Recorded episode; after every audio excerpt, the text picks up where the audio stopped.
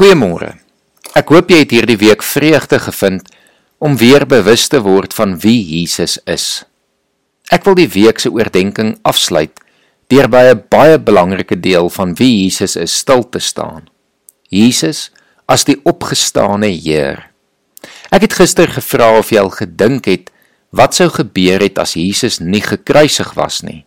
Dit sou 'n groot ramp gewees het. Maar dink hoe groot sou die ramp gewees het as Jesus nie opgestaan het nie. Dit is die feit dat Jesus die dood oorwin het, dat hy opgestaan het wat die ewige lewe vir ons moontlik maak. Hierdie was nie maklik om te glo nie. Ons lees dat die disippels nadat hulle Jesus as opgestane Heer gesien het, hom aanbid het, maar dat party tog getwyfel het. Ons weet van arme Thomas wat nie eintlik iemand wou glo nie. Hy wou eers self Jesus sien en nie net hom sien nie. Hy wou voel dat Jesus werklik lewe en sy hande in sy wonde druk. Die Jode het allerlei stories opgemaak om te probeer verklaar hoe dit is dat Jesus opgestaan het. Meeste van hulle het selfs beweer dat die disippels Jesus se liggaam gaan steel het. Tot en met vandag wil baie mense eenvoudig nie die opstanding glo nie. Daar is selfs teoloë wat beweer dat dit nie eintlik 'n fisiese opstanding was nie. Maar gelukkig is die wat wel hierdie glo. Want dit is deur te glo dat Jesus die dood werklik fisies oorwin het, dat ons saam met hom opgewek word uit die dood. As Christus nie opgestaan het nie, is ons geloof sonder inhoud en het die evangelie geen krag nie. Ek lees graag hoe Paulus hierdie verduidelik in sy eerste brief aan Korinte, hoofstuk 15 vanaf vers 12. As ons dan verkondig dat Christus uit die dood opgewek is, hoe kan party van julle nog beweer dat daar geen opstanding van die dooies is nie? As daar geen opstanding van die dooies is nie, beteken dit dat Christus ook nie opgewek is nie.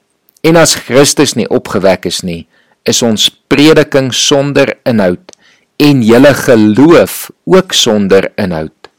Verder sou dit beteken dat ons vals getuienis oor God afgelê het, omdat ons teen God ingetuig het dat hy Christus opgewek het. As dit dan waar is dat die dooies nie opgewek word nie, het hy Christus ook nie opgewek nie. As die dooies nie opgewek word nie, is Christus ook nie opgewek nie. En as Christus nie opgewek is nie, is julle geloof waardeloos en is julle nog gevange in julle sondes. Dan is ook die wat in Christus gesterf het verlore. As ons net vir hierdie lewe ons hoop op Christus vestig, is ons die bejammerenswaardigste van alle mense.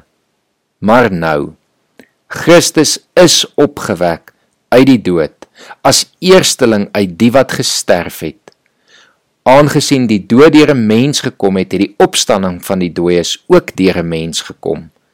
Net soos almal deur hulle verbondenheid met Adam sterf, so sal almal in Christus lewend gemaak word. Maar daar is 'n volgorde. Die eersteling is Christus, daarna by Christus se koms die wat aan hom behoort. Daarna kom die einde wanneer hy die konings koningskap aan God die Vader oordra nadat hy elke mag, elke gesag en krag vernietig het. Hy moet as koning heers tot die totdat die Vader al sy vyande aan hom onderwerp het. Die laaste vyand wat vernietig word is die dood. Kom ons bid saam.